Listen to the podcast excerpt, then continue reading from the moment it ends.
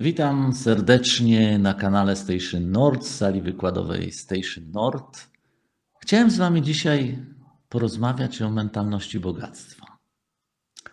A w każdym razie o jednym z bardzo ważnych elementów, który do niej prowadzi.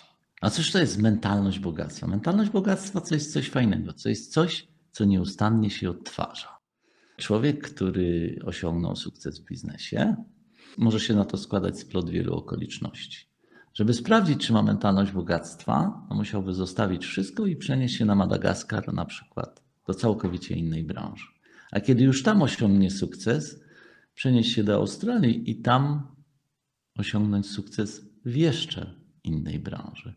Jeżeli jest w stanie trzykrotnie powtórzyć swój sukces w trzech różnych branżach, to znaczy, że za nim stoi mentalność bogactwa, która zawsze i wszędzie będzie działać w jeden sposób. Pozwoli mu osiągnąć sukces. Więc zapraszam do rozważań, co jest ważne dla tej mentalności bogactwa.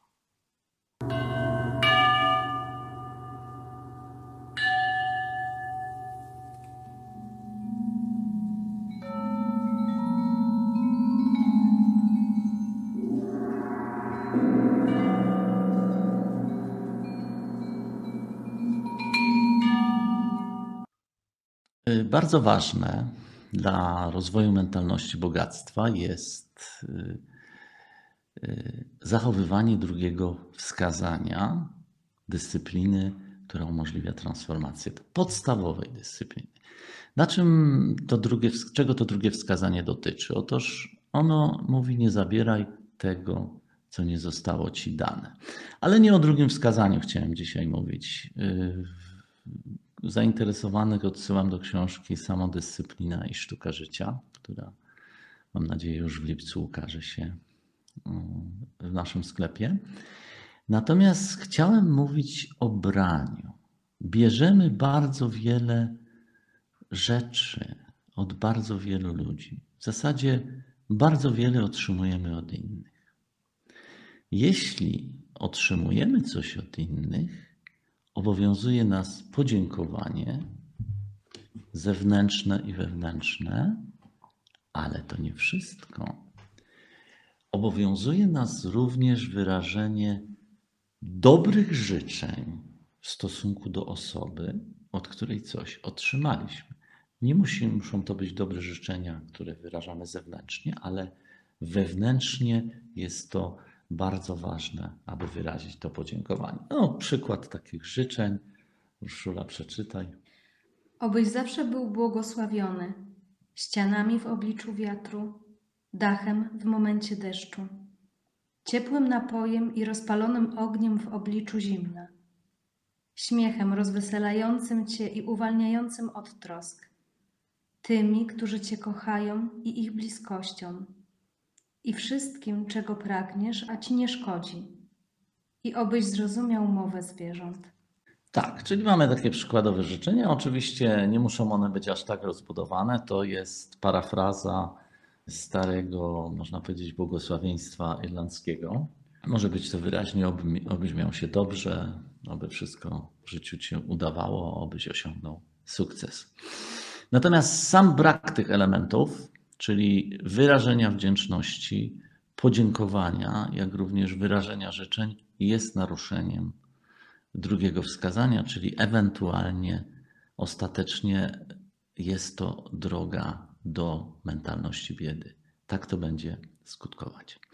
Natomiast ponieważ bierzemy od innych różne rzeczy, czy nie mamy właściwie innej możliwości, żeby korzystać z pomocy innych ludzi, to kiedy otrzymujemy coś, możemy otrzymywać to na cztery sposoby. Czyli otrzymywać coś jako złodziej, otrzymywać coś jako dług, otrzymywać coś jako zobowiązanie i otrzymywać coś jako dziedzictwo. Jeżeli otrzymujemy pewne rzeczy jako złodziej, to równa się to naruszeniu drugiego wskazania i jest to bezpośrednia droga do mentalności biedy. Oto przykłady sposobów myślenia człowieka, który otrzymuje coś jako złodziej. Otrzymałem coś, bo mi się należy. albo mam szczęście, udało mi się, albo otrzymałem, ponieważ na to zasługuję, jestem szlachetny, piękny, specjalny, jestem synem spadkobiercą.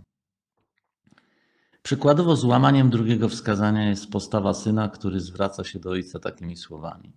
Owszem, włożyłeś na moje wykształcenie, a nawet wziąłeś kredyt, abym mógł spokojnie skończyć studia. Spłacałeś go jeszcze przez dwa lata po zakończeniu studiów, ale przecież to nic specjalnego, to normalne. Inny przykład naruszenia tego wskazania dotyczy osób, które pobrały nauki od nauczyciela rozwoju duchowego, nie przetrawiły ich, a następnie chodzą i wymiotują na ludzi niestrawionymi treściami. No, słowo wymioty nie jest tutaj eleganckim słowem, ale w tradycji sufickiej używa się bardzo często takiego słowa. Internet pełen jest takich delikwentów, którzy zapełniają go niestrawionymi treściami. To poważne naruszenie drugiego wskazania. Ładnie ilustruje to powiastka suficka. Otóż pewien człowiek uczył się u bardzo dobrego nauczyciela. Kiedy nauczyciel po kilku latach wyczerpał wszelkie sposoby dotarcia do tego ucznia, odesłał go z powrotem do domu.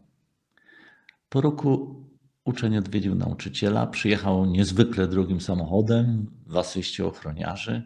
Nauczyciel ucieszył się. O, cieszę się, że przynajmniej osiągnąłeś sukces w światowym życiu. Można zapytać, czym się zajmujesz? Ach tak, odpowiedział uczeń, postąpiłem zgodnie z swoją radą. Powiedziałeś, przestań się uczyć, więc przestałem i zacząłem nauczać innych. Dla kradnących duchowe treści przytaczam jeszcze jedną powiastkę suficką za Idris Szachem. Pewien człowiek ukradł beczkę monet panu X, którą ten trzymał w piwnicy. Złodziej nie wiedział, że w tajemnicy przed wszystkimi pan X bił fałszywą monetę. Dlatego złodziej, uzyskawszy te monety, próbował je wydać w mieście, za co został zgarnięty przez królewską żandarmerię, osądzony i skazany na śmierć. Kiedy wieźli go ulicami miasta do miasta kaźni, aby go powiesić, zobaczył pana X idącego ulicą. To wszystko spotkało mnie przez ciebie, krzyknął. A morał z tej historii jest prosty. Nie kradnij, jeśli nie chcesz zostać powieszony. Ci, którzy próbują ukraść nauki, język derwiszów, świętych czy joginów, niewiele się nauczą. Mogą co najwyżej dostać kęs dla szczura. Co gorsza, ich ukradzione praktyki będą tylko imitacją praktyk, a ich studia imitacją uczenia się.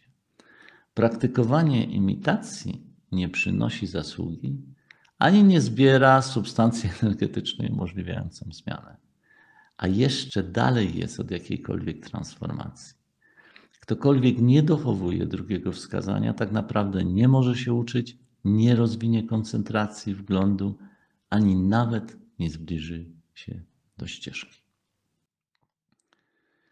Drugim sposobem otrzymywania czegoś, czyli mówiliśmy o otrzymywaniu czegoś jako złodziej, drugim sposobem otrzymywania czegoś jako dług, to co otrzymałem od innych traktuję jak zadłużenie. Na przykład otrzymałem od społeczeństwa bezpłatne wykształcenie, stypendium z pieniędzy podatników. To dług, który trzeba spłacić społeczeństwu. Dopóki nie spłacę zaciągniętych długów, dotąd praktyka szczodrości i droga do mentalności bogactwa jest całkowicie niemożliwa. Niespłacenie długów to naruszenie drugiego wskazania, czyli tutaj ważne jest spłacanie długów, ale to nadal może nie być wystarczające. Trzeba rozwijać myślenie: mam tak doskonałą sytuację, tak świetną żonę, urodziłem się w fantastycznej rodzinie. Co zrobić, by na to zasłużyć? Powiastka o dwóch pasterzach. To i pasterze wypasali sobie bydło w lesie. Król tego kraju wybrał się na polowanie, w trakcie którego za bardzo oddalił się od swojego orszaku i zabłądził. Błądząc dotarł do szałasu pasterzy. Ci przyjęli gościa, poczęstowali skromnym posiłkiem, mówili posłanie ze słony. Następnego dnia rano król opuścił pasterzy i obiecał, że w przyszłości sowicie ich wynagrodzi. Kiedy wrócił do stolicy, wysłał posłańców, aby przyprowadzili pasterzy do miasta. Na zamku nadał im poważne funkcje w nagrodę za ich gościnność. Starszy pasterz myślał, że jest kimś specjalnym.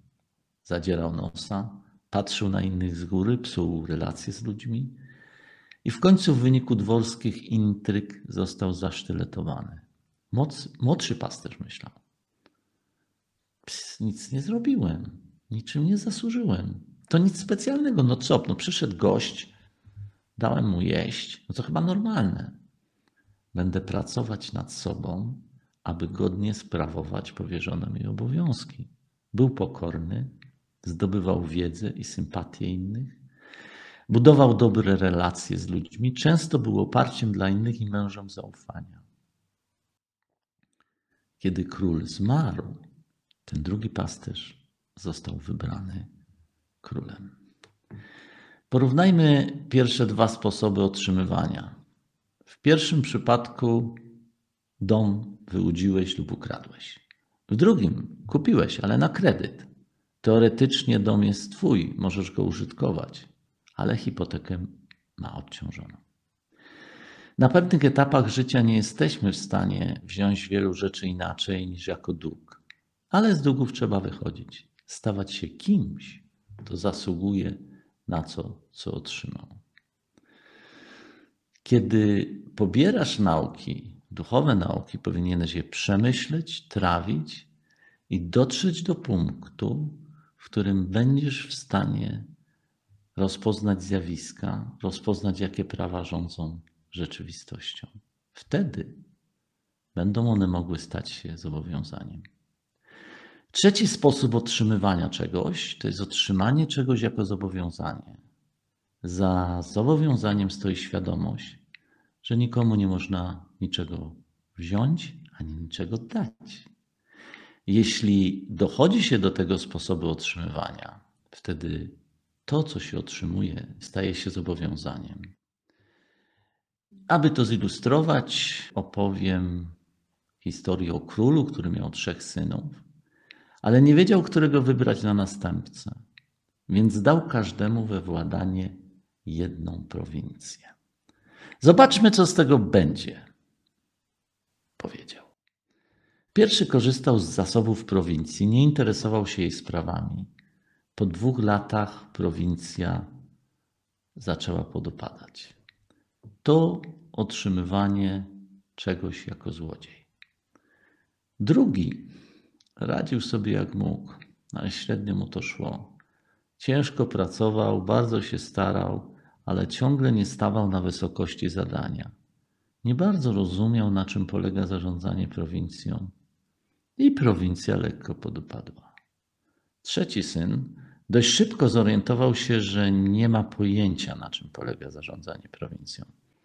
Zebrał miejscowych doradców i wykorzystał ich mądrość, ale także uczył się od nich i oprócz tego zdobywał umiejętności zarządzania ludźmi i budowania relacji. Używał zarówno pracowitości, jak i inteligencji. Starał się zrozumieć, prawa rządzące ludzkim zachowaniem, prawa rządzące rzeczywistością i na czym polega zarządzanie prowincją. Stanął na wysokości zadania i prowincja po dwóch latach rozkwitła. Stał się zdolny do realizacji zobowiązań zarządzającego prowincją, ponieważ odkrył przynajmniej w pewnym stopniu, na czym to polega. Wtedy król mianował go następcą tronu i prowincja stała się jego zobowiązaniem, a następnie dziedzictwem. To tyle tytułem refleksji. Mm, warto się nad tym zastanowić, nad tymi czterema sposobami otrzymywania, bo może się okazać, że to jest dosyć kluczowe dla naszego rozwoju. I każdy, kto nie przerobił tych czterech sposobów dawania, no to może to bardzo mocno niekorzystnie skutkować w jego życiu. Życzę Wam odkrycia, w jaki sposób możemy dawać i w jaki sposób bez szkodzenia sobie możemy brać to, co życie nam przyniesie. Jeśli interesuje Cię temat mentalności bogactwa, Zapraszamy do szkoły Prosperity Training. Link w opisie.